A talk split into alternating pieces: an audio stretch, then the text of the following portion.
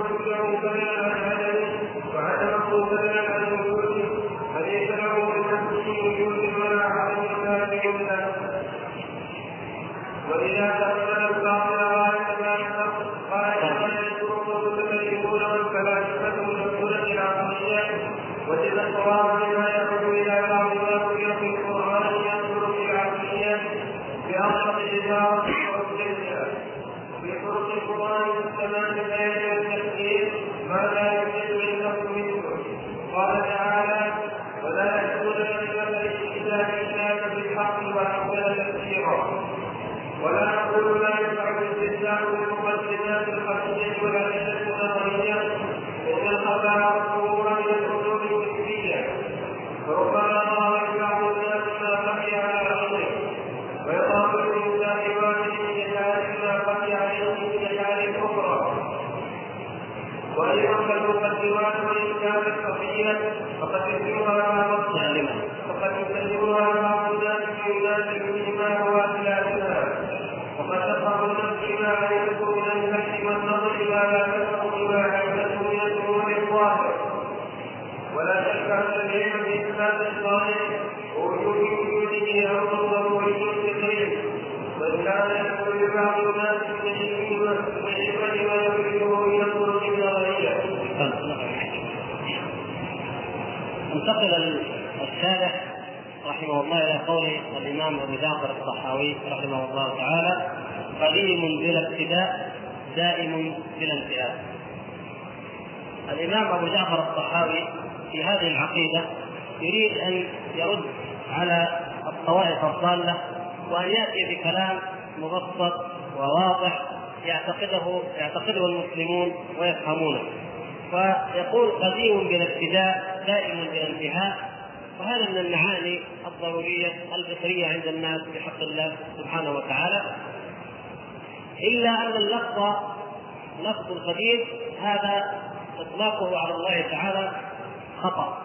وهذا سيأتي في آخر كلام الشارح وهو أنه لم يرد من أسماء الله سبحانه وتعالى القديم وإنما الذي ورد بدل هذه العبارة للقرآن بدل قوله قديم بلا ابتداء دائم بلا انتهاء ورد ما هو أجلى وأخطر وأعظم وهو قول قول الله تبارك وتعالى هو الأول والآخر. هو الأول والآخر والظاهر والباطن.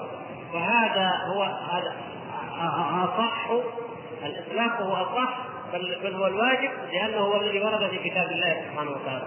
وهو اخلص لأنه هو الدرجة العليا في الفصاحة والبلاغه وجاء تفسير ذلك في قول النبي صلى الله عليه وسلم في الحديث أو في ذكر الدعاء قبل النوم اللهم أنت الأول فليس قبلك شيء وأنت الآخر فليس بعدك شيء.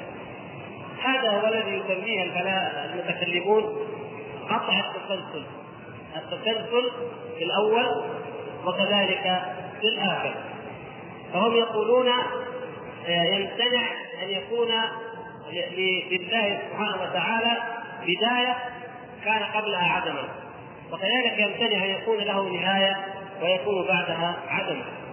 فقالوا اذا نقول التسلسل ممنوع في الأول وممنوع في الآخر. وهذا الكلام جاء في القرآن وفي السنة بأوجه بيان وأفضله فقال الله تعالى هو الأول والآخر وقال النبي صلى الله عليه وسلم اللهم أنت الأول فليس قبلك شيء وأنت الآخر فليس بعدك شيء. وهذا يغني عن كلام الفلاسفة والمناطق والمتكلمين. لكن يقول الشيخ هنا يعني يريد أن يدل أو يثبت ذلك من واقع كلامهم هم. فكلامهم كلام المتكلمين كلام الفلاسفه كما قد سبق أن شرحنا أن الفلاسفه ينظرون إلى الوجود من حيث أنه ثلاثة أقسام. واجب الوجود أو ممتنع الوجود أو ممكن الوجود. فيقولون هذه لا يوجد أي موجود إلا وهو يخضع لأحد هذه الأقسام الثلاث أو ال ال ال الأقسام الثلاثة تحوي كل متعلقات الوجود. فان الأشياء إما واجبة واجبة الوجود بذاتها وإما ممتنعة الوجود بذاتها وأم وإما ممكنة الوجود والعدم. فيقول المؤلف نستدل على هذا ب أو في هذه الأدلة نفسها على أن الله سبحانه وتعالى لا أول لوجوده. فنقول إن هذه المخلوقات المشاهدة لا شك أنها لوجودها بداية. بدليل أننا نراها وجدت قبل أن لم تكن موجودة. الكثير منها نراها نحن جئنا والأرض موجودة مثلا لكننا نرى السحاب كيف يوجد نرى الشجرة كيف تنمو وتوجد وكثير من الأشياء توجد قبل بعد أن لم تكن موجودة. إذا هذه الأشياء لا نقول إنها ممتنعة الوجود لأنها موجودة ولا نقول إنها واجبة الوجود لأنها كانت مسبوقة بالعدم. إذا فهي من القسم الآخر؟ وهو ممكن الوجود. وأنتم متفقون معنا أي الفلاسفة والمتكلمون أيضا على أن ممكن الوجود يفتقر إلى واجب وجود أوجده. اذا فواجب الوجود هذا لا بد أن يكون ازليا يعني لا أول لوجوده. لأنه إذا كان لوجوده أول أصبح من جملة الموجودات من جملة الممكنات التي تحتمل الوجود والعدم.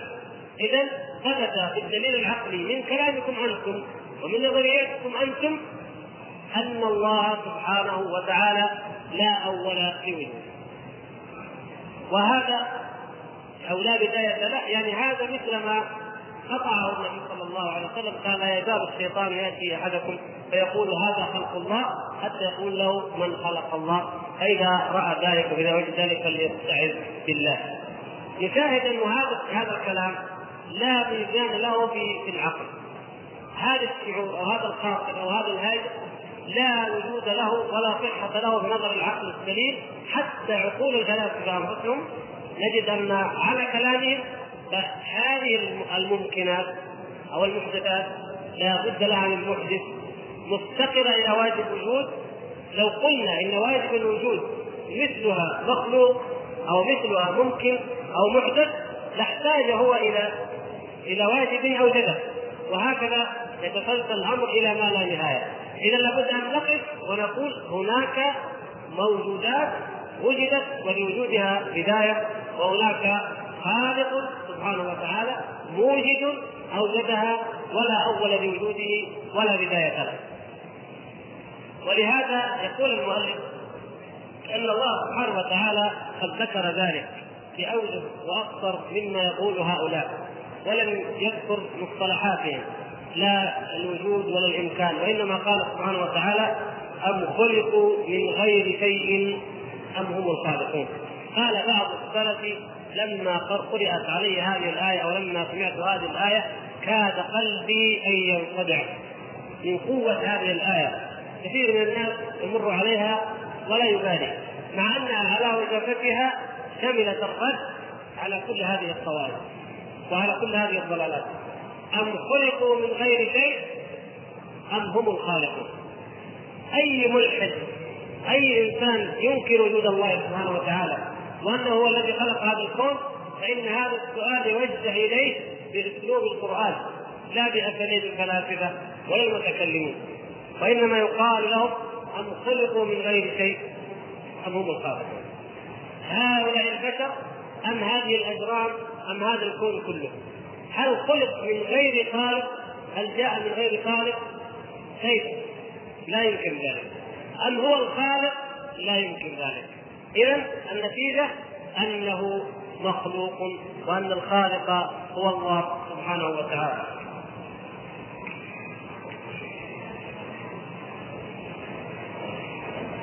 فنقول هذه الآية تدل على نفي أن يكون لله سبحانه وتعالى أو يكون غير الله سبحانه وتعالى يشارك الله في أنه لا بداية لوجوده وأنه هو الأول، فالأول من أسمائه سبحانه وتعالى وهو بدلا من قوله هنا قديم، وسيأتي كلام الشارع في معنى القديم وهي إطلاق القديم على الله سبحانه وتعالى.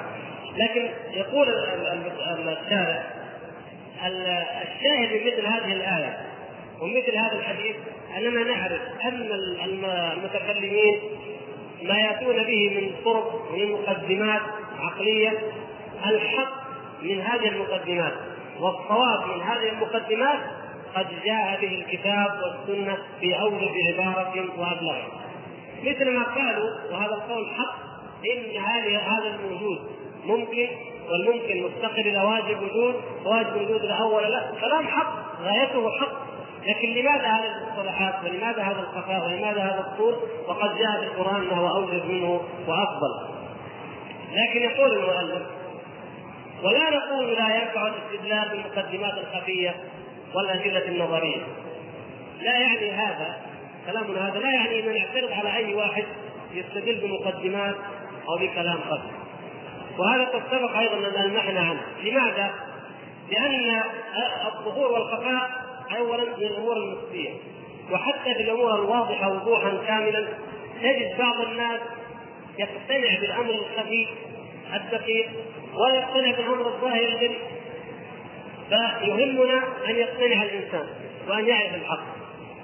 مثال ذلك. إذا جاء واحد وقال أنا استدل على عظمة الله عز وجل ومن آيات الله سبحانه وتعالى بخلق الإنسان ان الله تعالى جعل له العيون وجعل له الفم وأعطاه الأعضاء وأعطاه السمع والبصر وأعطاه كذا وأعطاه كذا. لو واحد الآن وقف خطب في مسجد وقال هذا الكلام لو واحد في محاضرة في الجامعة وقال هذا الكلام قالت إن عظمة الله واضحة لأن الله تعالى أعطى الإنسان السمع وأعطاه البصر وأعطاه الأعضاء وأعطاه. ما نتأثر كثير يمكن نحن من هؤلاء. ما لكن قال واحد أنا أقول لكم كيف. كلمنا عن غدة من الغدد في داخل جسم الإنسان اللي ما يعرف أحد منا. وكيف تعمل هذه الغدة؟ وكيف توصل الأعضاء؟ وكيف ودورها وكيف تشتغل؟ كلنا نتعجب من سبحان الله. والله سبحان هذا دليل على عظمة الله وهذا آية من آيات الله. حقيقة يعني كلام الأول اجلى وأوضح وأظهر لنا ولجميع المخاطبين من كلام الآخر. لكن ليش؟ النفوس فيها ميل للشيء الدقيق فيها ميل للشيء الخبيث. لكن الله عز وجل في القرآن جاء بهذا وجاء بهذا والاستدلال في القرآن بالأمور الظاهرة أكثر. ليش يا إخوان؟ لأن العوام أكثر. الناس ما هم كلهم فلاسفة ما هم كلهم كيميائيين ما هم كلهم فيزيائيين ما هم كلهم أطباء. الناس اكثرهم عوام. والعبرة واحدة. والتعمق فيها تعمق في نفس العبرة. ألم نجعل له عينين؟ ولسانا وشفتين. وهديناه النجدين كلام واضح. افلا ينظرون إلى السماء؟ كيف رفعت كلام واضح. هل ينظر الإنسان إلى طعامه؟ وجعلنا السماء سقفا. وجعلنا النجوم وجعلنا الجبال إلى ايات كثيرة جدا. يلفت النظر القرآن يلفت النظر إليها أن الإنسان يتأمل في ملكوت السماوات والأرض يتأمل في خلق السماوات والأرض في السماء وفي الجبال وفي النفس وفي الإبل وفي الدواب وفي الشجر وفي غير ذلك مما قد سبق أن حدثنا عنه ما تعلمونه في القرآن. لكن مع ذلك ما دام إن المقدمات الخفية ما دام يعني الاستدلال بالأدلة الخفية ينفع بعض الناس فلا بأس من أن نستخدم المقدمات الخفية ولا بأس من أن نستدل بها. ولذلك كما قلنا لما قيل إن الإمام أحمد أو الإمام الشافعي أيهما قال كيف يلحد الله أو من أعظم الأدلة على الله هذه البيضة التي ظاهرها عظم وباطنها الماء ثم يخرج منها هذا الحيوان وفي له المنقار وله الأرجل وله السمع وله بصر وله كذا. يعني هذا الكلام كمثال من الأمثلة الكثيرة جدا على وجود الله وعلى عظمة الله وعلى حكمة الله سبحانه وتعالى. هذا المثال يذكره الإمام مثال من أمثلة كثيرة وربما يذكره لخفائه لخفائه على بعض الناس. الشيء الثاني أنه مثل ما قلنا من ضمن مدلول الآيات أو الدلائل القرآنية. يعني لما قال الله عز وجل فلينظر الإنسان إلى طعامه. كثير من الناس يأكل البيض يوميا ولا يتذكر ما يفتكر هذا الشيء. اذا فلينظر الإنسان إلى طعامه. يعني لما تأكل البيضة تنظر تتفكر في هذه. لا لا يهمك فقط الأكل فقط. اذا ما الفرق بين الإنسان وبين الحيوان؟ يهجم على أي شيء ياكل بس ولا يفكر إيش اصل الشجرة إيش تركيبها كيف ياكل المهم ياكل يشبع بس. لا الإنسان لا ينبغي ولا يجوز له أن يكون كذلك. فليتأمل في هذه البيضه عندما يريد أن يأكلها. يتأمل في هذا الطعام. كيف سخر الله عز وجل من زرعه وحصده وخبزه وكذا حتى وصل إليك رزقا مقسوما مكتوبا في ساعة معينة. لم يكتب الله أن هذا الرغيف يقع في يد غيرك. ولم يكتب الله هذا الرغيف يكون غداء أو أو فطور إنما كان عشاء. شيء عجيب جدا يتفكر الإنسان فعلا. اذا فلينظر الإنسان إلى طعامه تشمل كل هذه الأشياء. يشمل أيضا الماء الذي يشربه. فلينظر الإنسان إلى طعامه. اذا ثم ذكر الله سبحانه وتعالى بعد ذلك الآيات كيف من نشأة الطعام. منذ أن شق الله سبحانه وتعالى الأرض إلى أن أخرج منها الحب إلى أن أكله الإنسان. وهكذا. النظر في السماوات أفلا ينظرون إلى الإبل كيف خلقت وإلى السماء؟ كيف رفعت؟ النظر في السماء كيف رفعت؟ يتأمل الإنسان يمكن الإنسان العادي يفهم ويتأمل في عظمة هذه المخلوقات. بعض الناس العوام مثلا أو البادية أو الناس كانوا قبل تطور العلم أكثر الناس يتعجبون من القمر وأن القمر أكبر شيء في السماء. يتعجبون من ضوئه ومن كبر حجمه ويستدلون بذلك على عظمة الله سبحانه وتعالى. الآن الناس عرفوا أن هذا القمر جرم صغير وأن الأخرى أكبر وأعظم لكن لأنها أبعد. كل ذلك داخل في ماذا؟ في النظر في السماوات والتفكر في السماوات وإنما أصبح أكثر تفصيلا فلا ضر الجاهل الأول أنه لا يعرف حجم القمر وأنه أكبر وأكبر ولا ضر ولا نفع أو لا لم يفد المتأخر معرفته بأنه اصغر أن إنما العبرة واحدة العبرة واحدة. وهكذا سائر الآيات التي أو سائر الآيات والأحاديث التي فيها ما يدل على إثبات أمر من الأمور.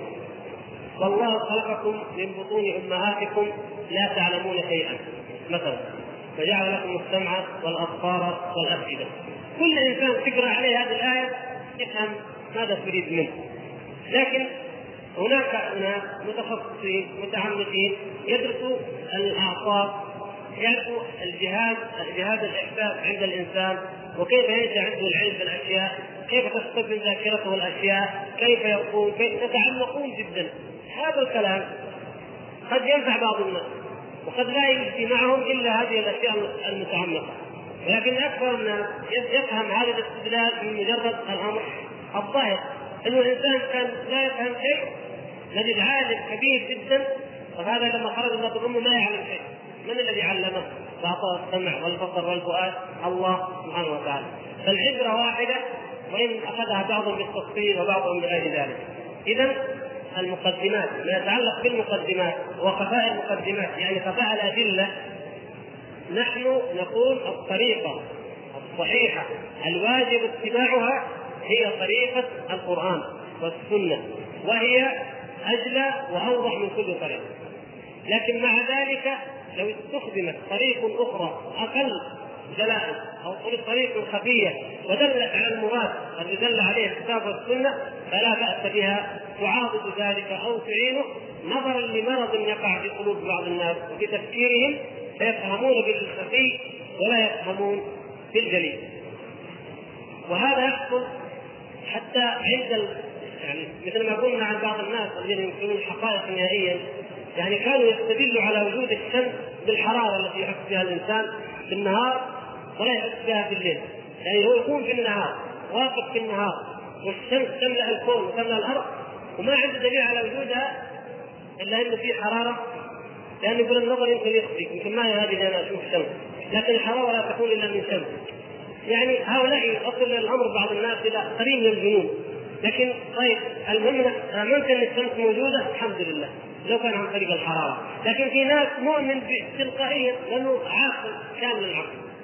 حقيقة الأمر يا إخوان أن هذا الدين أنزله الله سبحانه وتعالى القرآن على أمة فطرية الأمة العربية الجاهلية فطرتها سليمة وتفكيرها المنطقي سليم.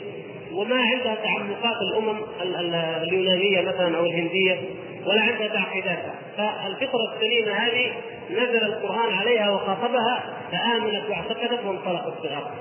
ولذلك انظروا كيف غير في في, معاني الدين ومعاني القرآن والكتاب والسنة لما دخل دخل فيه أولئك الذين تأثروا بغير منطق العرب كما قال الإمام الشافعي رحمه الله ما فسد الناس وتناقضوا واختلفوا إلا عندما تركوا منطق العرب ومالوا إلى منطق أرسطو طالب يعني المنطق معناها إيش؟ الاسلوب أسلوب التفكير العربي لما تركوه الناس حتى من كان عربيا منهم وتركه ومال إلى طريقة المتكلمين الفلاسفة كالمتكلمين الذين أخذوا طريقة الفلاسفة أو كان هو أعجمي الفطرة معقدة في هذه الفلسفات ثم دخل في الإسلام. يعني اضرب لكم مثال على ذلك والأمثلة كثيرة. الإمام فخر الدين الرازي على عظمته وعلى سعة علمه وعلى مؤلفاته لو لاحظتم كتابه تفسير الكبير الفخر الرازي تشاهدون التأثر الشديد بالفلسفة لأنه من أئمة الكلام وكان امام الاشعريه في عصره. تجد هذا الشيء الذي يتنافى مع الفطرة العربية التي هي فطرة العربي الجاهلي في فهم الألفاظ. مثلا يقول في قول الله سبحانه وتعالى ولا تقربا هذه الشجرة. يقول ربما فهم آدم وحواء أن النهي عن الأكل من الشجره منصب عليهما مجتمعين لأن اللفظ مثنى يقول لا تقربا لكن لو أكل كل واحد منهم وحده جائز ذلك. ولذلك أكل وبعدين وقع. يعني كلام لا لا يمكن أي إنسان يعني عنده ادنى فطره من كلام العرب ما يعرف أن يصدقه فضلا عن عالم كبير. لكن هو يقول عشان يبين انه آدم معصوم والنبي النبي من المعصوم لا يخطئ. كيف أخطأ آدم؟ قال يمكن يمكن زي إنه لا تقربا أي مجتمعين إنما يأكل كل واحد منكم وحده. كلام زي كذا. أمثلة كبيرة جدا أي واحد ممكن يقرأها. يتعجب أن هذه العقول الكبيرة ضخمة تقع مثل هذا الشيء. ما سببها؟ سبب فساد الفطرة في هذه الفلسفات. بينما العرب الذين نزل عليهم القرآن وكما تعلمون قريش كانوا يعاندون ويكافرون وينسون نبوة النبي صلى الله عليه وسلم ويقولون لولا أنزل هذا القرآن على رجل من قريتين عظيم ويقولون لولا أنزل معه ملك. جاءوا بحجج كبيرة جدا فيها عناد فيها مشادة لكن ما ما جاءوا ابدا بمناقضه أو بردود على القرآن من جنس هذا الكلام الذي فيه يعني وما حكاه أو مواصلات مجادلات ليس لها معنى ولا يقبلها العقل ولا تقبلها الفطرة. هم إما يؤمنوا به عارفين حقيقته وإما ينكروه مكابرة إنكار مكابرة وإنكار عناد وليس مثل هؤلاء يقول لك نحن نأتي بفلسفه وبعلم ثم يأتي فيرد بهذه الاحتمالات وبهذه المقدمات. كمل. طيب طيب نكمل موضوع الوقت بالقديم الان وقد أدخل المتكلمون في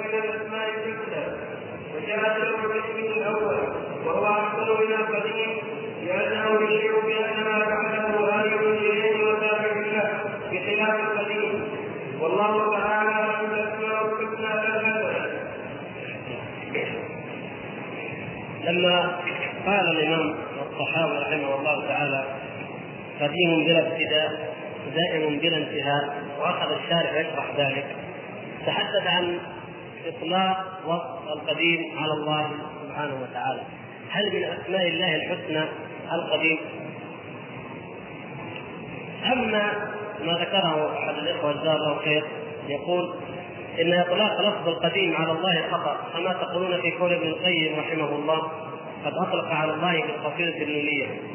أطلقه على الله في النونية. وأن بعض أهل العلم فصلوا فقالوا لفظ القديم يطلق على الله على صيغة الخبر لا على صيغة الإنشاء. فالقديم ليس من أسماء الله تعالى الحسنى ولكن لا حرج من إطلاقه كخبر هذا لفظ جزاه الله خيرا فاهم القضية. والذي الحديث الذي تحدثنا الذي قلت وقال الشارح هنا هو أنه ليس من اسمائه ليس من الأسماء. الكلام عن كونه من الأسماء. أما الإطلاق أما أن يطلق يخبر عنه به يطلق عليه فهذا قد يكون للمعنى الصحيح الذي يحتمله. وهو يجوز لأنه يدل على معنى صحيح. لكن أما من حيث أنه اسم من أسماء الله فلا يجوز. الكلام في كونه اسما من أسماء الله. الإمام الطحاوي رحمه الله أراد أن يبسط الموضوع. قال قديم بلا بلا بلا ابتداء. يريد أن أن يوضح حقيقة الأزلية. ويوضح الحقيقة الأزلية فاستخدم لفظة مفهومة عند الناس وفسرها. قال بلا ابتداء. لماذا؟ لأن القديم في كلام العرب هو الشيء المتقادم البعيد العهد وإن كان له بداية. لكن الشارح رحمه الله قال قديم بلا ابتداء. فكلام عن المؤلف الطحاوي كلام الإمام الطحاوي هنا هو مثل ما الاخ هو إخبار فقط مجرد إخبار لم يسمي الله قديما وإنما أخبر فقط. قال قديم بلا ابتداء حتى لا يدخل في الوهم أنه القديم في اللغة العربية الذي يكون له بداية وإن كان قديم العهد. لكن كلام المؤلف هنا كما ترون لم ينتقد الإمام الطحاوي لم يقل وقد أخطأ الإمام بأنه جاء باسم قديم لأنه ما ذكر الإسم وإنما هو استطراد لبيان الحقيقة في ذلك وهو أن احدا يأتي ويقول لماذا ما ما حكم اطلاق اسم القديم على الله؟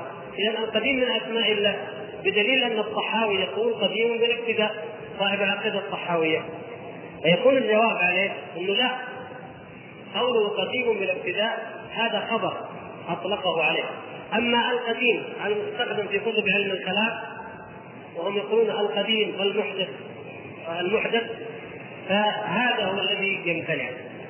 مثل ما في عبارة الجنيد العبارة المشهورة تنسب إلى الجنيد لما سئل ما التوحيد؟ قال التمييز بين القديم والمحدث.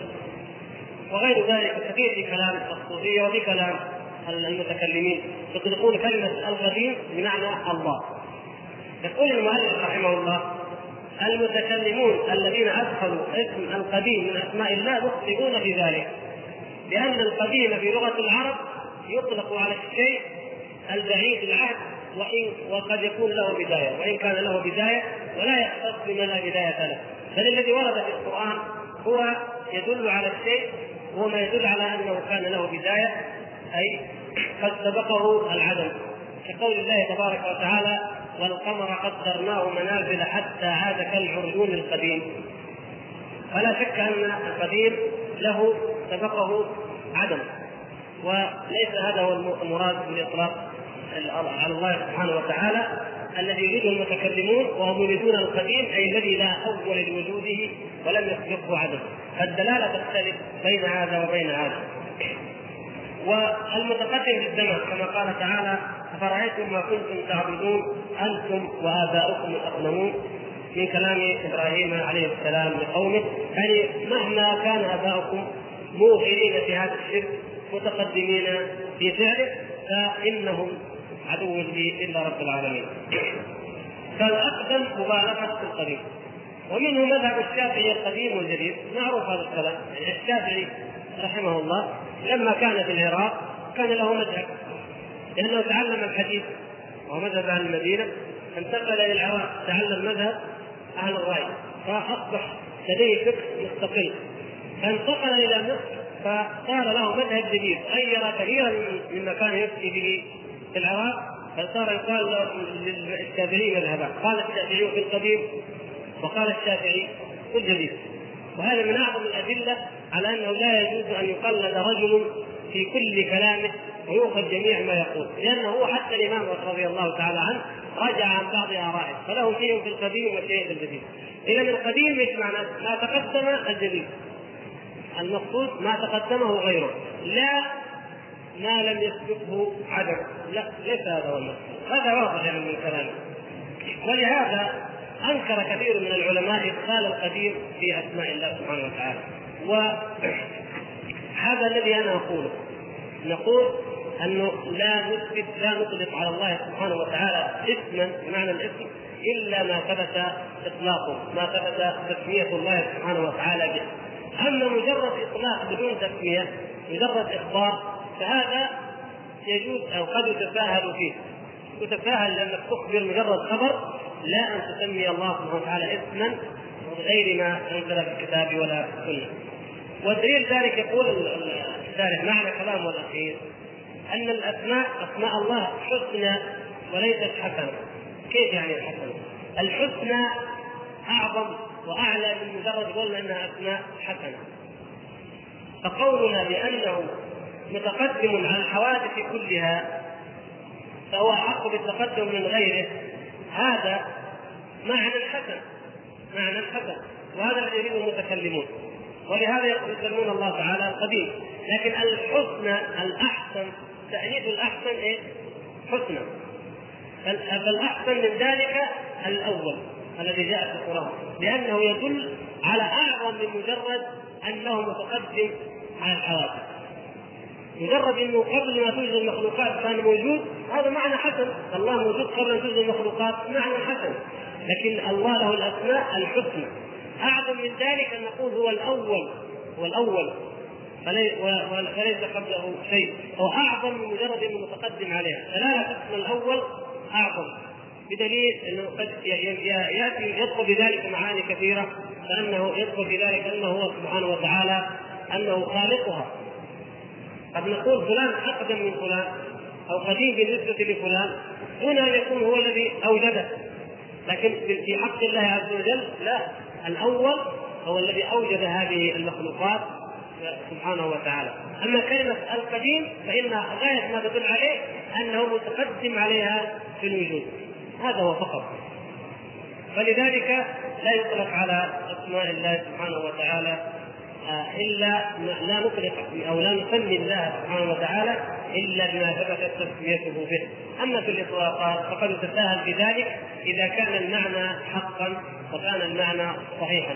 لكن لا نعدل عما جاء في القرآن والسنة إلا على سبيل الشرع أو الإيضاح هذا هو الأفضل والأولى.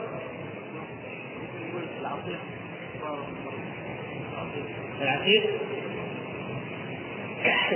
نحن قلنا القديم ما تستخدم إلا لأن المتكلمين استخدموها في معنى على قواعدهم هم لا يؤديه إلا هذه الكلمة. لكن كلمة العتيق ليست كلمة اصطلاحية حتى نقول هذا المصطلح يؤدي معنى اصطلاحي ولا جاءت في الشرع حتى نقول كلمة شرعية. اذا ما ما في داعي نستخدمها نهائيا هذه الكلمة القديم لولا أنها دخلت الاصطلاح اصطلاح المتكلمين ما بحثناها هنا.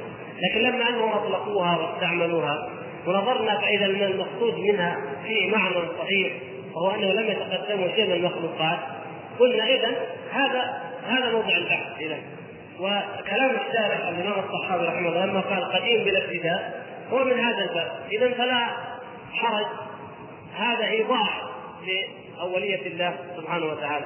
لكن التسمية لا لا نسميه إلا ما ثبت في الكتاب والسنة. ثم قال رحمه الله تعالى الفقرة السادسه من كلام الإمام الصحاوي قوله لا إقرار بما الله سبحانه وتعالى. قال قال من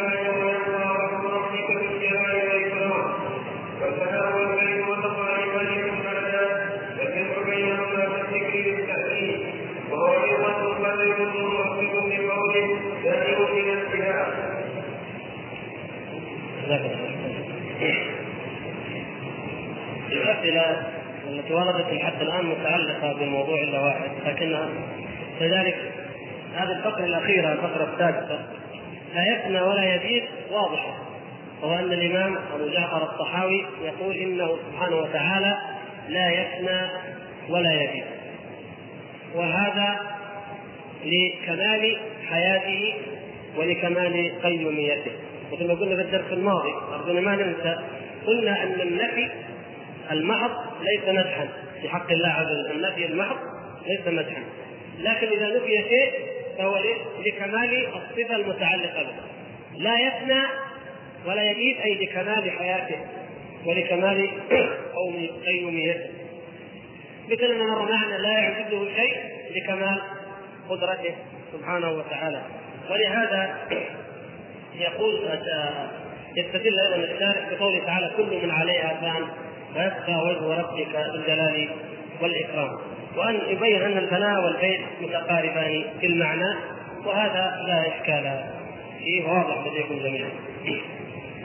بالنسبة للاسئله مثل ما قلنا برضو ما يتعلق باسم الله القديم ورد سؤالان يقول الأخ هل يجوز عند الدعاء أن نقول يا قديم اغفر لي أو يا أول الأولين وهل المنان والحنان من أسماء الله الحسنى؟ يا قديم ما يا قديم اغفر لي لأن مثل ما قلنا ليس اسما من أسماء الله. يطلق بالخبر. يعني إذا أطلق إنما يستخدم كما استخدم اليوم الطحاوي عند الاخبار ولو استخدمنا الوصف الصحيح هو نقول هو الأول والآخر. لكن إذا كان على سبيل الايضاح والبيان نقول هو قديم. فلا تقل يا قديم. ولا هذا آه المهم نقول إيه؟ لا لا لا تقل يا قديم اغفر لي لأنه ليس من اسمائه الحسنى المنان والحنان وردت في حديث في حديث أنها من أسماء الله الحسنى. يا حنان يا منان. ف والحديث صححه بعض العلماء هو حسن. ولذلك ما دامت وردت فهي من أسماء الله سبحانه وتعالى الحسنى. وأيضا يقول الأخ ما معنى قول ابن القيم في البدايع يجوز إطلاق القديم على سبيل الوصف. والأخ الآخر يقول عند إطلاق صفة قديم على الله على أنها صفة له تعالى. الا يوجد احتمال في المعنى أن يكون هناك ما هو أقدم منه قول ابن القيم أنه يطلق على سبيل الوصف. هو هذا اللي قلناه كررناه مرات. يعني أن يوصف. يقال قديم بلا ابتداء مثل ما قال يوصف وصف ولا يسمى. مثل ما نقول مثلا عليم هذا يكون اسما ويكون وصفا إذا قلنا عبد العليم هذا إيش؟ اسم فقط. هذا اسم لأنه نسبنا قلنا عبد العليم لكن قلنا الله عليم نحن هنا نصف الله بأنه عليم سبحانه وتعالى. فلذلك هنا مثلا قديم ما نقول عبد القديم ما يجوز لأن ليس من أسماء الله الحسنى. ما يجوز مثل ما قلنا في الدعاء انه واحد يقول يا قديم لأنه ليس من أسماء الله الحسنى. أما الإخبار أو الوصف فهذا شيء آخر. الأخ يجيب قضية أخرى أخ آخر يسال سؤال آخر. يقول أعوذ بالله العظيم وسلطانه القديم من الشيطان الرجيم. ما صحة هذا الحديث؟ وما معنى سلطانه القديم؟ وش يعني علاقته بموضوع القدم؟ الحديث صحيح. ومعنى القديم هنا لا ما في إشكال. لماذا؟ لأنه لم يقل أعوذ بالله القديم قال بسلطانه القديم. فالقديم صفة؟ لسلطان الله سبحانه وتعالى. والصفة توصف بما لا يوصف به الموصوف بما لا يوصف به الذات. مثلا يجوز تقول علم الله شامل. نقول هذا الكلام. يقول الله شامل لا علم الله شامل قدرة الله عامة. يقول الله عام ما لها معنى لكن قدرة الله عامة. فلما نصف صفة من صفات الله غير لما نصف الله سبحانه وتعالى في ذاته. فلذلك هنا القديم صفة للسلطان. لسلطانه القديم.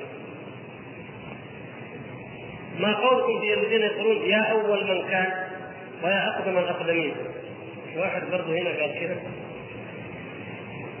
أيوه يا أول يا قديم اغفر لي يا أول الأولين.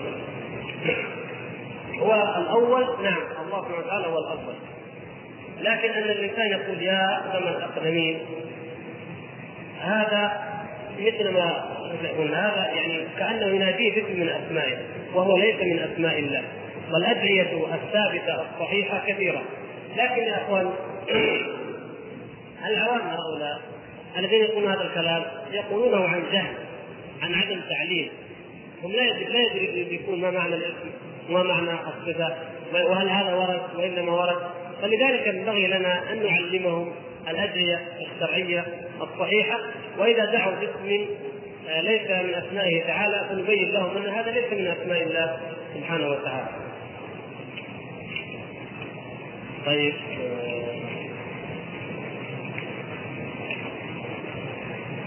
هذا أيضا نفس الكلام يتعلق بالاسم القديم أو بموضوع القديم. يقول قال البعض رد على كلمة قديم عند إطلاق صفة قديم على الله تعالى على انها صفة له تعالى. ألا يوجد احتمال في المعنى أن يكون هناك من هو أقدم منه؟ بلى هذا هو الذي من أجله لا نسميه لا نسميه لأنه كلمة قديم وان كان المراد بها ما كان قبل غيره لكن أيضا لا تنفي أن هناك ما هو أقدم منه. لأنه زي ما قلنا في الايه وأباؤكم أنتم وأباؤكم الأقدمون. فالأقدم صيغه تفضيل من ماذا؟ من قديم. فورد في القرآن القديم والأقدم في حق ما سبقه عدم أو ما تقدمه شيء. ولذلك كانت كلها هذه مما لا يطلق على الله سبحانه وتعالى.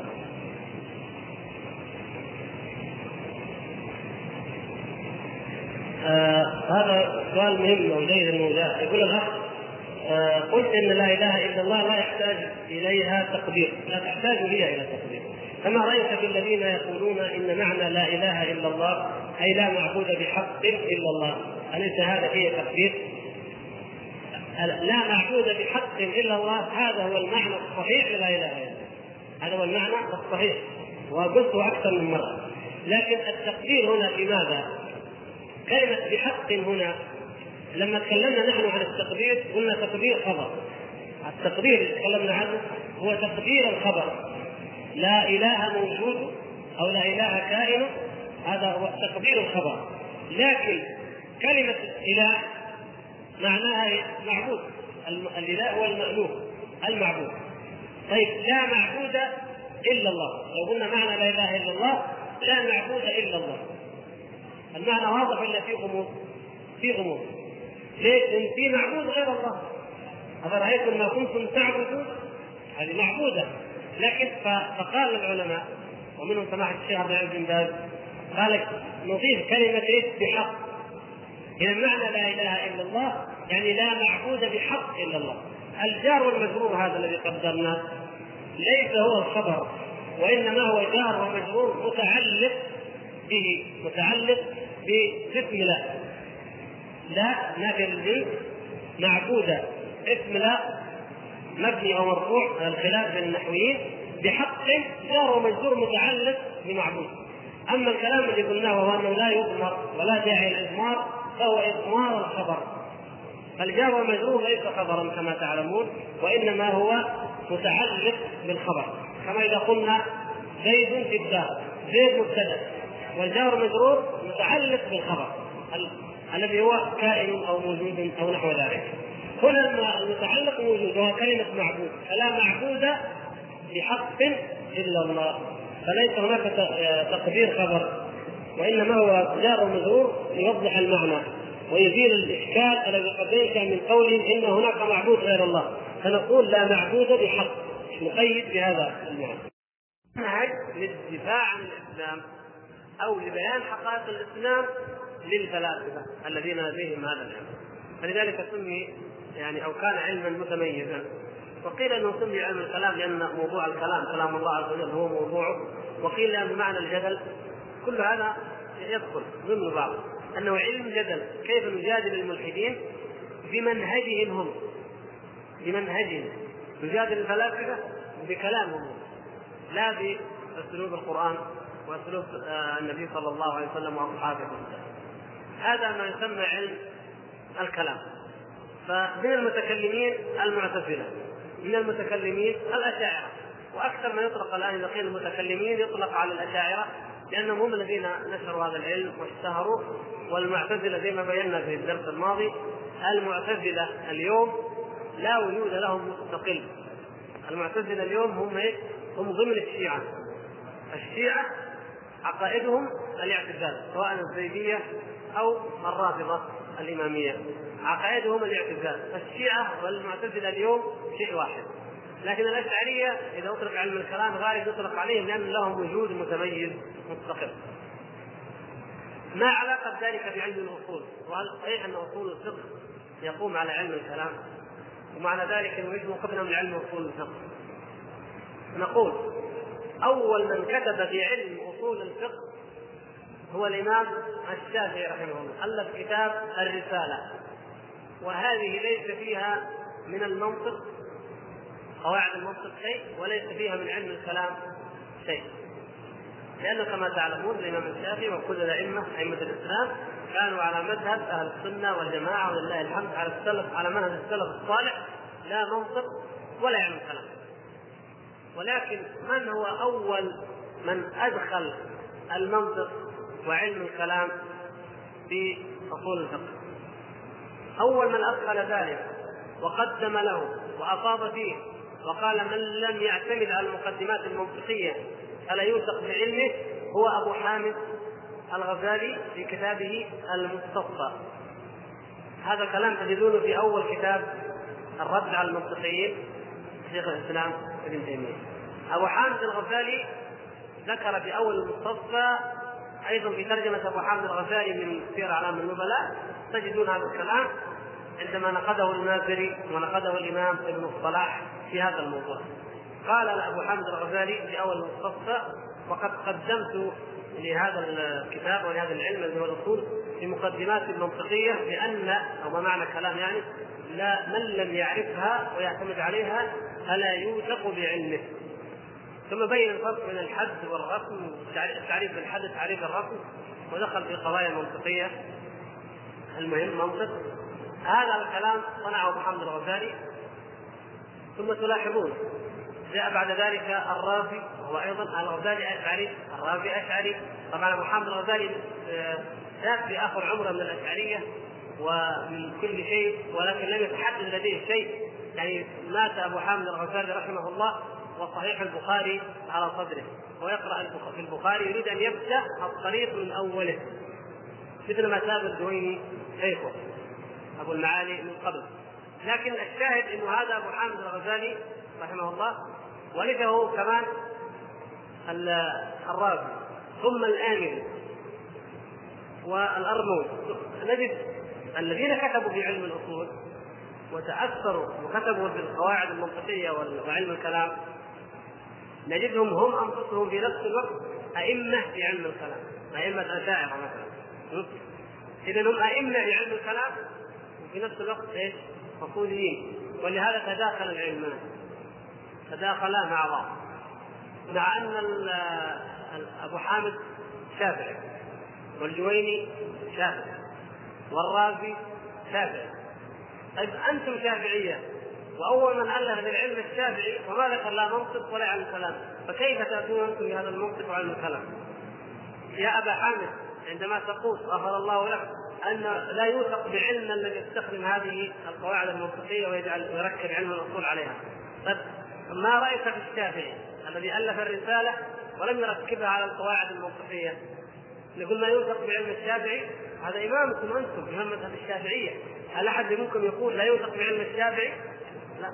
لكن انظروا كيف الإنسان تلتبس عليه الأمور بسبب التقليد أو المتابعة أو الانبهار. لأنه المسلمين في حالة من الحالات انبهروا بهذا العلم اللي عند الغربيين باليونانيين قواعد فلسفية ومنطقية آه يعني تجعل الإنسان يتبحر يتعمق يكون أفهم. وظن بعض بعضهم أن هذا من باب الثقافة التي إذا عرفها الإنسان يكون أفضل من أصحاب الاثر كما تعلمون كانت حلقات العلم الكبرى في المدن الإسلامية هي حلقات الحديث. جاء هؤلاء قالوا ليش عند أصحاب الحديث؟ حدثنا فلان عن فلان. لا نحن عندنا العقليات. نحن نستخدم عقولنا. نحن نفكر. نحن كذا. وترجموا هذه الكتب القديمة. وأخذوها وقرأوها وتداولوها وظنوا أن فيها شيء جديد يتميزوا به ويظهرون به على أولئك. الحقيقة من أسباب ذلك ضعفهم في علم الحديث. مثلا أبو المعالي الجويني رحمه الله له كتاب كبير المطلب في المذهب كتاب ضخم في مذهب الإمام الشافعي ما ذكر فيه إلا حديثا واحدا يعني استدل فيه ما ذكر حديث واحد صحيح وهذا الحديث قال رواه البخاري ولم يروه البخاري. طب هذا إمام عظيم في الفقه إمام عظيم في علم الكلام إمام الأشعرية في عصره وهذا علمه في الحديث. هؤلاء الناس لما رأوا أن الأمة تعظم علماء الحديث بعض المتقدمين من قبلهم أرادوا يبرقوا في جانب آخر. قالوا هؤلاء في الأثر ونحن في جانب العقليات وفي جانب الجدل. فأرادوا أن ظنوا أن هذا دروس علم. وورث ذلك مثل الإمام أبو حامد أبو المعالي الجويني أو أو أبو حامد الغزالي. ورثوا هذا الانبهار وظنوا أن هذا هو الصواب وأنه على الأقل ما في تعارض بين هذا العلم وبين هذا العلم وأخذوا الاثنين مع بعض. ومن هنا اختلط علم الأصول بالكلام وبالمنطق. طبعا نجد إنه علم الأصول اصبح اسمه مباحث حديثية ومباحث لغوية ومباحث أصولية يعني تعددت مباحث. ومن ضمنها مباحث كلامية تدخل عرضا فتجد إنه في بعض علم الأصول يقول لك قالت المعتزلة كذا قالت قال أهل السنة كذا مثلا قالت الاشعريه في بعض الموضوعات. من أوضح الأدلة على ذلك وعلى أن هذا العلم نقول أن الإمام أبو إسحاق الشيرازي صاحب اللمع وصاحب التبصره لما كتب وهو أقدم من هؤلاء كتب وكان يقول في كل باب من الأبواب وهذا الكلام عليه أصحابنا. يعني الشافعية لأنه شافعي من ائمه الشافعيه قال وخالفت الأشعرية في ذلك. مع أن الأشعرية توافع خاصة في عصره لكن هو جعلهم قسمين أصحابنا يعني الذين لم يدخلوا ولم يخوضوا في علم الكلام. لأن أبو إسحاق كان على عقيدة السلف. قال وقالت الأشعرية كذا مع أنهم شافعية لكن أخرجهم من صحبة الشافعي. لأنه كيف ينتسبون للشافعي؟ في الأصول مخالفين الشافعي جايبين منطق وفلسفة. في أصول الفقه يعني. في العقيدة خالفوا الشافعي ودخلوا في علم الكلام. اذا قال إيش بقي من انتسابهم من الشافعي؟ اذا لا يعد لم يعدهم ضمن الشافعية. اللي هو أبو إسحاق الشيرازي رحمه الله من أكبر علماء الاصول أرجو أن اتضحت يعني الثلاثة والفروق تقريبا بينها، المنطق قواعد معينة علمية ممكن يستخدمها أي إنسان هم قواعد معينة، الفلسفة هي الأفكار التي خاض فيها قدماء اليونان وغيرهم فيما يتعلق بعلم بعالم الغيب. ولا يعني والعصر الحديث لا يستوفر ذلك على القدامى علم الكلام هو البدع التي استحدثها المسلمون المسلمون الإسلام معتمدين على فلسفه اليونان واستخدموا فيها أيضا قواعد منطقية. الفلسفة التي الفلسفة تدرس اليوم في جامعاتنا كما تعلم هل يجوز تعلمها شرعا؟ هو يعني الموجود الآن عندنا في جامعاتنا ليس ليس مادة فلسفة كما تعلمون أو ما أظن بهذا الشكل. إنما هي يعني تدرس نظريات علم الاجتماع نظريات في الأحياء في الجيولوجيا في كذا. نظريات فلسفية تدرس لكن كفلسفة محضة ما أذكر أنه ما يمكن يكون لكن اعرف أنه ما في مادة فلسفة محضة. إنما يوجد تدرس نظريات فلسفية في علم الاجتماع وفي علم النفس وهو ما أوضح العلوم يعني في هذا المجال وكذلك الإخوان اللي درسوا في كلية الإدارة درسوا النظريات السياسية وهي نظريات فلسفية عن نشأة الدولة ونشأة المجتمعات. وهذه يمكن تدخل في باب علم الاجتماع لأنه علم الاجتماع وعلم السياسة طبعا متفقة. النظريه السياسية يقدر يقول نظرية اجتماعية لأنها تتعلق بالمجتمع وين المجتمع؟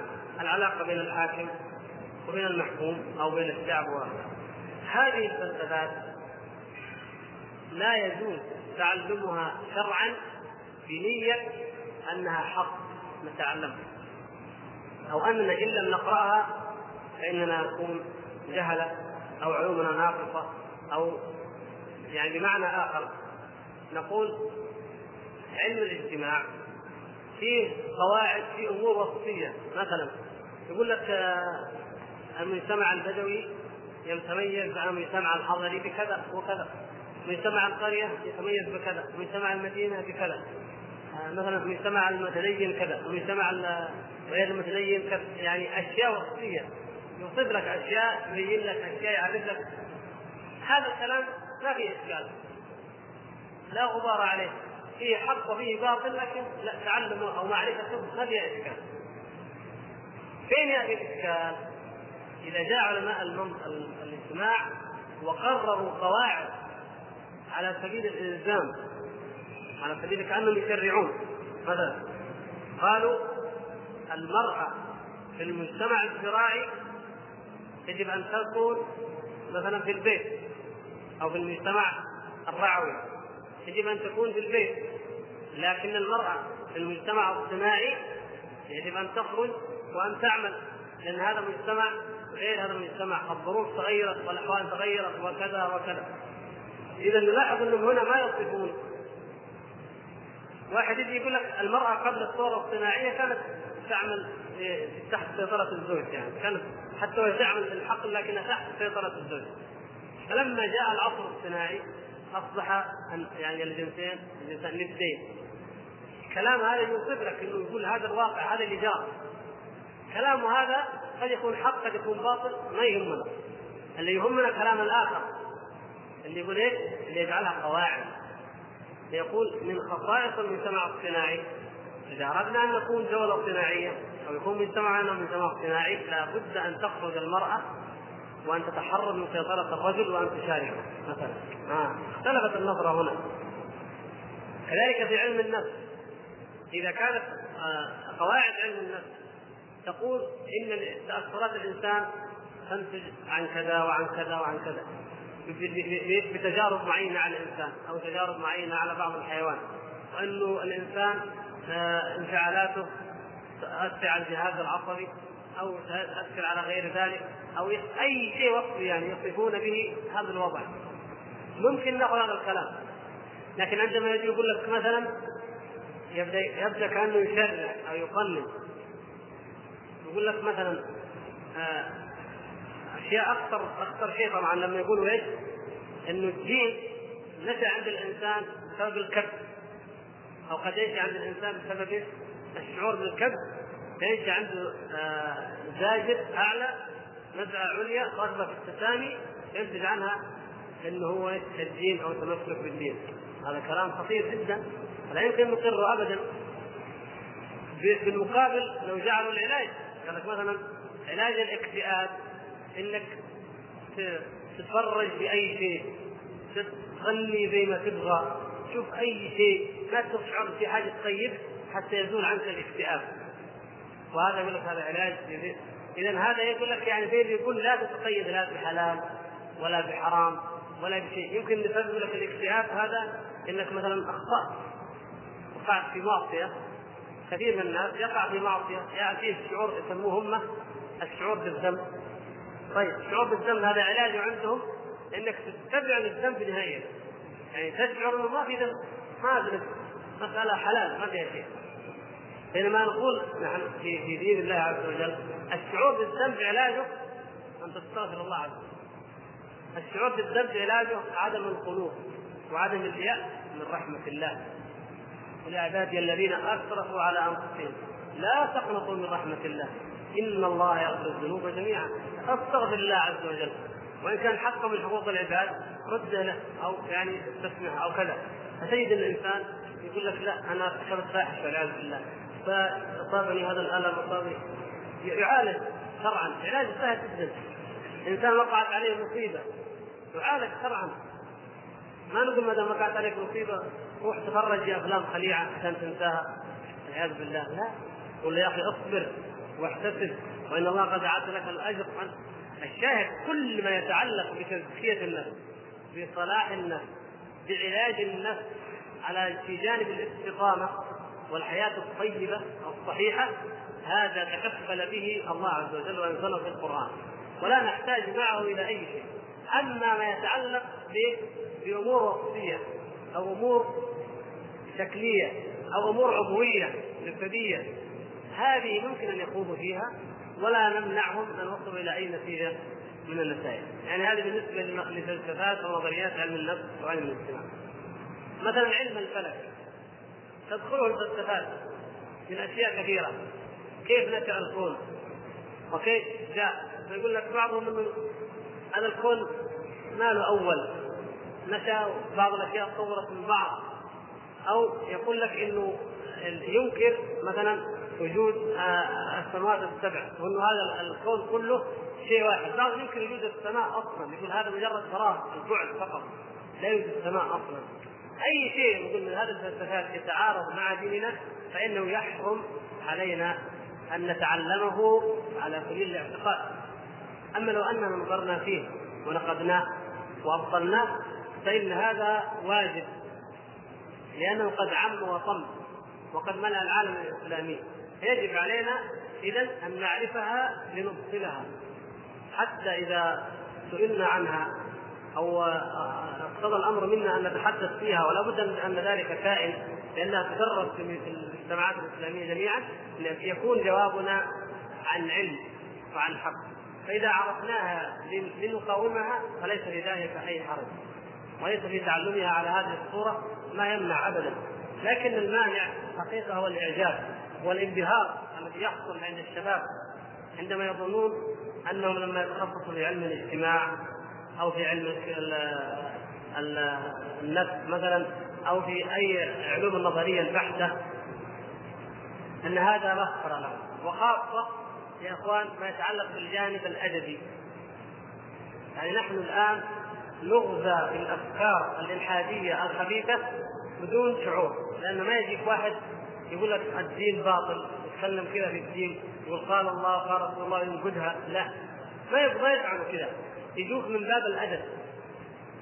من باب الشعر والأدب. يتكلموا عن قضايا أدبية والإنسان ومشاعر الإنسان وكيف ينشا عنده الشعور وكيف يكتب وكيف يقول.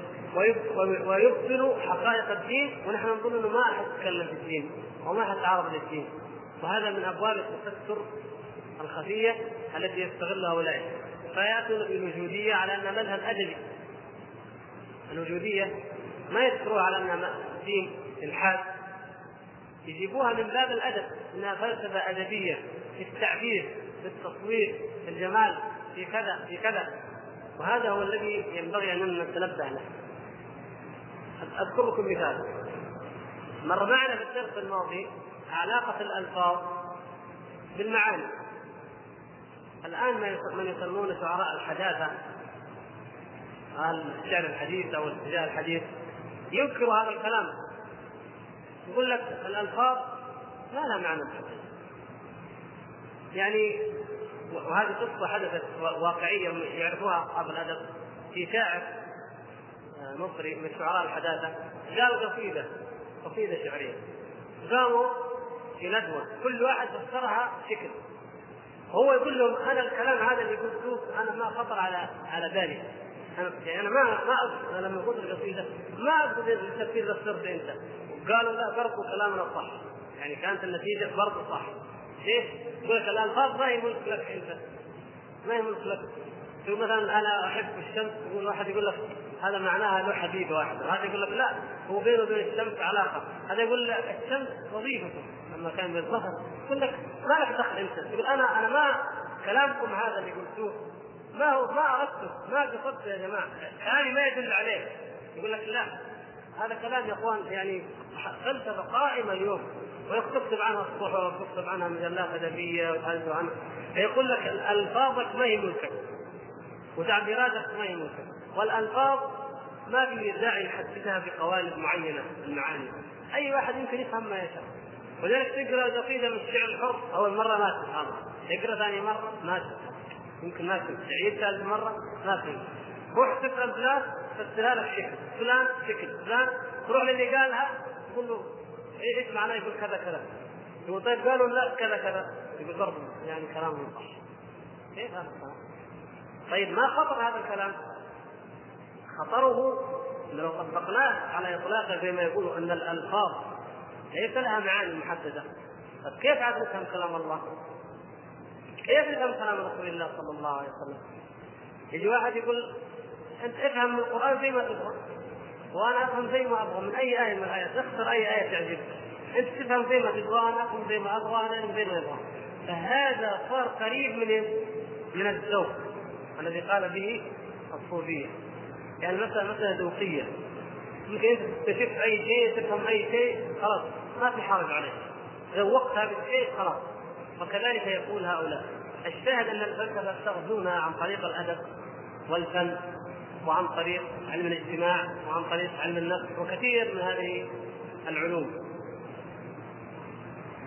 آه، الأخ يقول هل هناك علماء بحثوا في أصول الفقه على الأشاعرة وبعد الشافعي؟ أو يقول يعني أصول فقه من غير علم كلام؟ نعم. آه، شيخ الإسلام ابن تيمية الجزء التاسع عشر والعشرين مثلا من مجموع الفتاوى بحث أصول الفقه من غير علم كلام الشيخ محمد الأمين الشنقيطي رحمه الله وهو من أعظم من كتب في هذا العلم له كتاب مذكرة في أصول الفقه. هذه كانت مقسمه على أربع سنوات في الجامعة الإسلامية منهج وأظن من اليوم. آه هذا الكتاب الشيخ الأمين الله يرحمه. أي موضع يجد فيه شيء من علم الكلام يقول في هذا الموضع قال علماء الكلام كذا ويبطله ويرده. الحمد لله نعم لدينا كتب موثوقة في علم أصول الفقه وهي ليس فيها علم كلام بل هي تبطل هذه علوم الكلام أو هذه التأثرات الكلامية التي دخلت في علم أصول الفقه.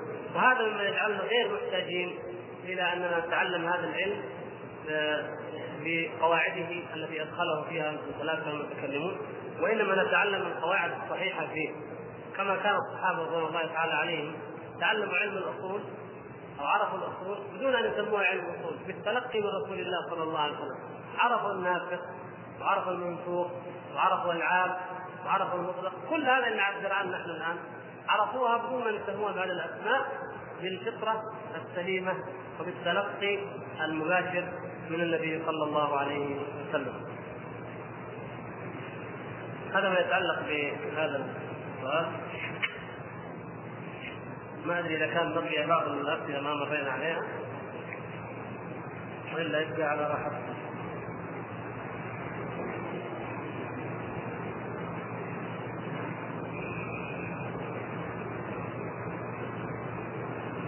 هذه كلها أجبنا عنها فإذا في أخ بعض الأخوة عندهم سؤال آخر.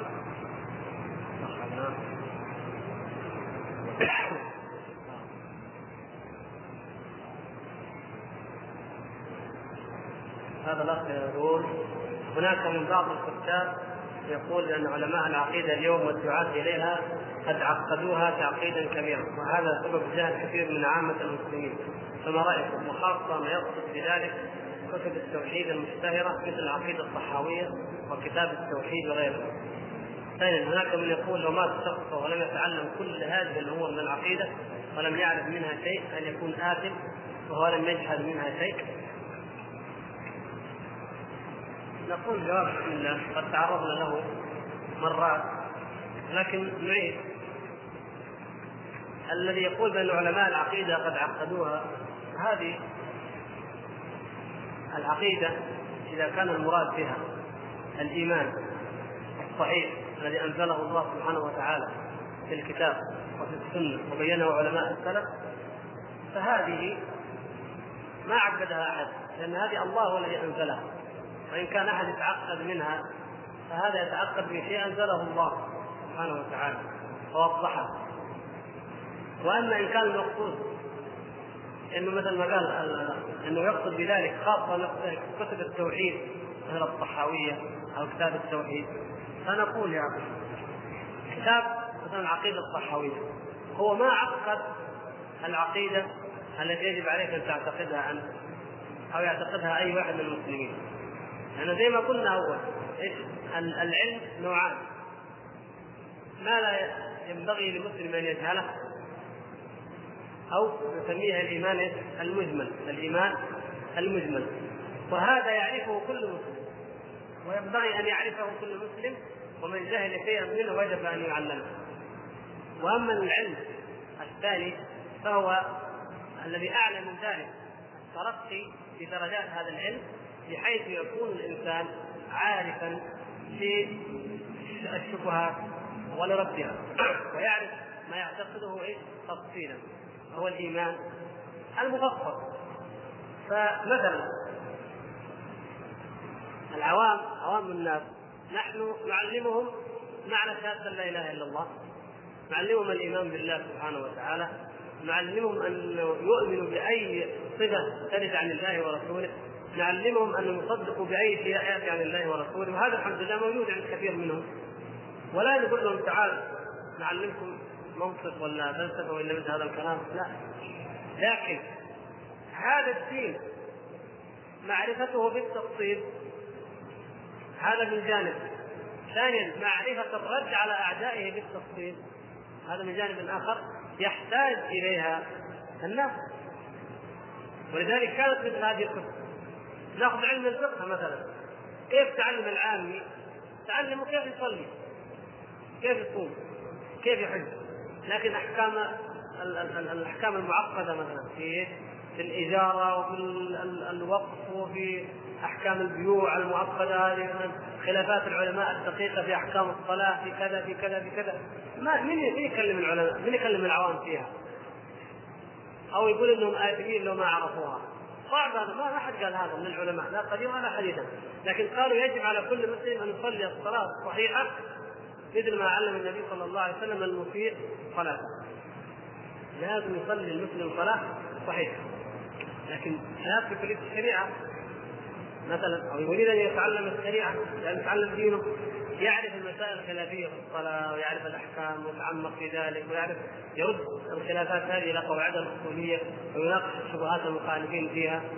هذا ما يقول إنه ما دام ما يجب على العامي حتى هذا ما في داعي يتعلم لا.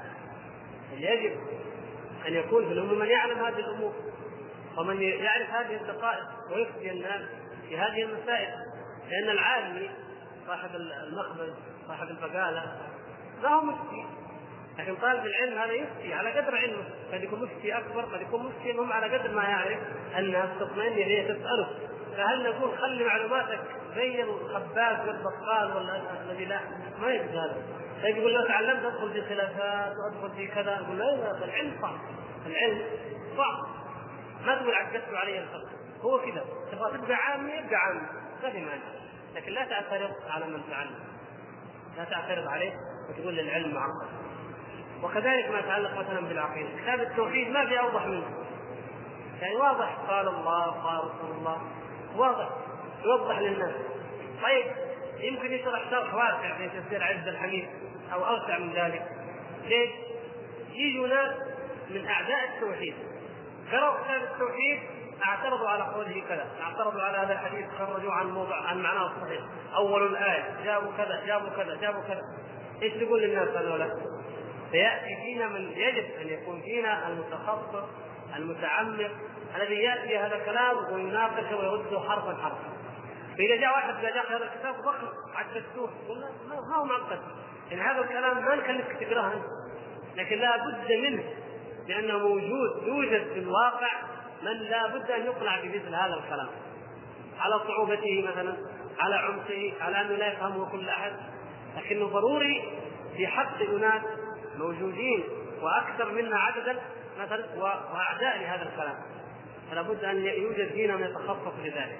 ونحن لا نطالبك أنت الأخ العاجز عن هذا الشيء، ما نطالبك تكون مثل من كتب هذا الكتاب، لا ما نطالب بذلك، لكن لا يحق لك أن تنتقده. وتقول إنه صعبها أو عقدها. وإنما تقول الحمد لله الذي جعل من إخواني المسلمين من يكفيني هذا المرونه ليقوم برد البدع ورد الشبهات ورد الزيغ ورد الضلال وأنا لأني ما أستطيع ذلك. كذلك في جانب العقيدة مثلا. طيب نقرأ كلنا جميعا نقرأ حديث النزول نقرأ الايات في الاستواء الرحمن على العرش استوى كلنا نقرأها. طيب ناس ينكروا هذا الكلام لكن نناقشهم بالآيات بالأحاديث بلغة العرب. بالقواعد حتى المنطقيه اللي يستخدموها أو الكلامية. حتى نبين لهم إن كلامكم هذا باطل. لأن هذا الكلام يقولون على المنابر يخطبوا في المسلمين يكتبوه في كتب ويوزعوه على المسلمين. مثل الكتاب اللي جبناه في الدرس الماضي مثلا. الكتاب ينتشر ويباع لابد يرد عليه. لابد أن يرد عليه. لابد أن يبين ما فيه من الباطل. فإذا جينا قلنا لا هذا هذا الردود وهذا الكلام هذا يعني يتعب ومعقد ويشوش والله ماذا نعمل؟ هذا لابد منه. هذا واقع لابد منه. ما نقول لك لابد أن تقرأ هذه الكتب. لا اقرأ ما تحتاج إليه في دينك. اقرأ ما تعرف به ربك معرفة حقيقية. لكن هذه الكتب لا تعترض عليها ولا على من ألفها ولا على من أراد أن يستوعبها ليكون محصنا من مقاومة أي شبهه وكذلك يعني في أي شيء يعني مثلا علم الطب في قواعد أولية. في قواعد أولية إذا فهم الإنسان إذا عرفها الإنسان إن شاء الله يتجنب كثير من الأمراض. أو قواعد أولية في الاسعافات تتعب واحد كذا كذا كذا. لكن هل هذه تغني عن وجود اخصائيين يعرفوا حقيقة الأعضاء وحقيقتها ثم كيف يعالجوها مثلا؟ ما تغني عنها ابدا. فاي في أي علم من العلوم. فأنا لو جيت أنا قلت هذول أطباء معدلين يدرسوا 21 سنة طب. يعني كانوا خلوها ست شهور وانتهينا. كلام كلام يعقل هذا. يوافق عليه عاقل. ولا تبغى تاخذ دورة في الاسعاف خذ ست شهور لكن تخصص علم حقيقي يعالج الأعماق. هذا لابد له من تعب ولا بد له من جهد. وهكذا يا إخوان يعني القرآن كلام الله عز وجل نفس كلام الله. الصحابة رضوان الله تعالى عليهم. هل تظنون أنه انهم كانوا زينا الآن؟ إحنا دحين ما شاء الله الواحد منا يقدر يحفظ يعني جزء مثلا يمكن في اليوم بعضنا يمكن يقدر يحفظ أو في ثلاث أيام. كل يوم يحفظ بعدين جزء جزئين حصل فينا ما شاء الله حفاظ قرآن حاجة جدا. شباب صغار في الابتدائي يحفظوا القران يعني حفظ القرآن شيء عظيم ويجب أن نحفظ ابنائنا لا يشك في ذلك أحد حتى لا تفهموا الكلام خطا لكن أقول منهج الصحابة رضوان الله تعالى عليهم كانوا يأخذون العشر الآيات عشر آيات. يحفظها ثم يبدأ يطبقها ويتأملها ولا يتجاوزهن إلى غيرها حتى يعرف ما فيها من العلم والعمل. ولذلك مكث ابن عمر في سورة البقرة ثمان سنين. يعني؟ يقول عقدها ابن عمر على كلام هذا الإخوان. عقدها ثمان سنين واحد منا يهزها في ليلة وينام. لا. ابن عمر غير. مو زي نظرتي ونظرتك نحن نقرأها أي كلام نمشي لا ابن عمر قراها قراءة قراءة العالم المتعبد العالم. يقرأ مثلا واستعينوا بالصبر والصلاة. إيه، كيف؟ وإنها لكبيرة إلا على الخاشعين. طبقوا الخشوع. فك في الصبر. طبق على نفسك بعدين يقرأ مثلا بعدها الذين إذا أصابتهم مصيبة قالوا إنا لله وإنا إليه راجعون. فكر كيف أنا إذا أصابتني مصيبة؟ كيف يجب علي أن أواجه المصيبة. كيف يجب أن يكون إيماني؟ ويمشي. على كذا يطول الإنسان. ولا لا؟ طول جدا. امسك آية. آية يفكر ما موقعي أنا من هذه الآية. ما مدى انطباق عملي اليومي وحياتي اليومية على هذه الآية؟ وهكذا كل ما يقرأ آية يتأملها. أما كذا بسهوله لا. نحن جميعا كلنا نقرأ ألهاكم التكاثر. القارعة. أي واحد يقرا يصلي ويمشي. والله يا إخوان ما هكذا أخذ الصحابة رضوان الله تعالى عليهم القرآن ابدا. الهاكم التكاثر حتى تصلوا المقادر هذه لما نزلت كان لها وقع عظيم جدا عند الصحابة. ما كانوا يأخذوها لانها كلام مجرد إنه يقراها الصلاه ويمشي أو يحفظها ويقول خلاص حفظتها وانتهيت ابدا. القرآن عندهم أعظم من ذلك وأجل ولذلك وفقهم الله ونصرهم الله. والله سبحانه وتعالى وعدهم بالجنة. وعدهم بالجنة وبالرضوان. انه الهاكم التكاثر طبقوها على أنفسهم. لم يلههم التكاثر ابدا. الصحابة رضي الله تعالى عليهم ابدا. عرفوا قيمة الحياة الدنيا. ازدروا متاع الحياة الدنيا. واعتبروه يعني لما جاء لما فتحوا مدائن كسرى البساط حق كسرى أربعون ذراعا في أربعون. كل من اللآلئ واليواقيت الغالية الأثمان. الذي كان الواحدة منها تعدل مئة ألف دينار. بعضها. أربعون في أربعون. ما يشيلوا بعير واحد. ما كان عندهم ناقلات زينا الآن فقسموه قطعوه على عدة أباعد. وحملته إلى المدينة. وركبوه. عمر رضي الله عنه قال قال حجد مع انه قطع وركب ما سقطت منه ولا ذرة ولا يقوت واحدة يقدر واحد يقول المقص يعني حطها كذا وحطها في الجيب لو كان في عصرنا الحاضر ولا عجب عمر رضي الله عنه. قال إن قوما أدوا هذا لأمناء. حديث كيف فقال علي رضي الله عنه يا أمير المؤمنين عففت فعفوا ولو ركعت ركع وكان عارفين انك تأخذ قالوا ما دام يوصل المدينة يستطيع عمر منه نقطع هنا في العراق يعني نحن اولى مثلا. الشاهد ناس يعني عرفوا قيمة الحياة الدنيا وهوانها على الله عز وجل وتفاهتها وحقارتها. ما يسوى إيش يسوى إن واحد يقول شيء النبي صلى الله عليه وسلم لما أخبرهم أن الرجل الذي غل شملة شملة بسيطة غلها من من من الغزو من الجهاد من غنائم الجهاد قال والذي نفسي بيدنا تشتعل عليه نار أو كما قال صلى الله عليه وسلم. تشتعل عليه نار في قبره. عرفوا هذا الحديث آمنوا به خلاص. لم يغلوا في الغزو هؤلاء هم الناس هؤلاء هم الرجال. لذلك لما يقرأوا القرآن يصعب عليهم يثقل عليهم. أن يقرأوا شيء تطبيق عمل. لما يقرأوا في السنة يحفظ واحد منهم كم حديث أو يسمع من النبي صلى الله عليه وسلم كذا مجلس يجد نفسه أنه امتلأ. يقعد يطبق يطبق فيه لما يموت ما مدى يحفظ أكثر ولا يتعلم أكثر. ناس أخذوا الدين بهذا المغزى وبهذا بهذا المفهوم. غير ما نأخذ نحن الآن الأمور بالبساطة. ولذلك من أسباب كما قلنا انه إنه هذه العلوم صعبت وتعقدت كما يقولون أو كذا صعبت إنها عندما تناقش الواقع وتخاطب حقائق النفوس يكون فيها صعوبة. أما عندما تؤخذ على أنها مجرد عبارات يجي واحد يقول يا أخي ابلغتونا التوحيد التوحيد. طيب كل الناس موحدين وخلاص سبحان الله. إذا كان التوحيد عندك المهم واحد يقول لا إله إلا الله ويمشي موحدين كلهم الناس. لكن أين حقائق التوحيد؟ أين حقائق توحيد الربوبية عندنا نحن طلاب العلم؟ فلا تقول العوام الربوبية ما أقول الألوهية؟ الربوبية وعند مين؟ انظر لها عند طلاب العلم. الذين قدوة في المجتمع. أين أين حقائق الربوبية؟ فضلا عن حقائق الألوهية.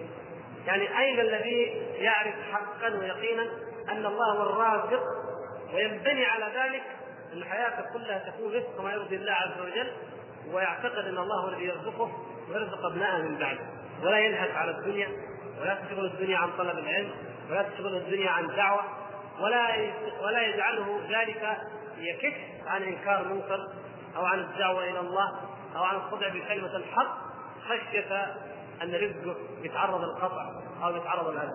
أين هذا من طلبة العلم؟ بلاش العوام. إذا نقول التوحيد موجود موجود كلام موجود آه عمومات أما حقائق ما هي موجودة بل يجب أن نتعلمها وان نتعلم حقائق أن نتعلم الحقائق وأن نعتقدها ونؤمن بها في قلوبنا وأن نعرف كيف نرد هذه الشبهات وأن نعتبر أنفسنا ما دمنا أحياء اننا في معركة التوحيد. في معركة لا إله إلا الله مع الشرك. في معركة من معاني لا إله إلا الله بمناسبة أن اليوم تحدثنا عنها ومن حقائق معاني لا إله إلا الله أن الإنسان لا تستعبد قلبه الدنيا.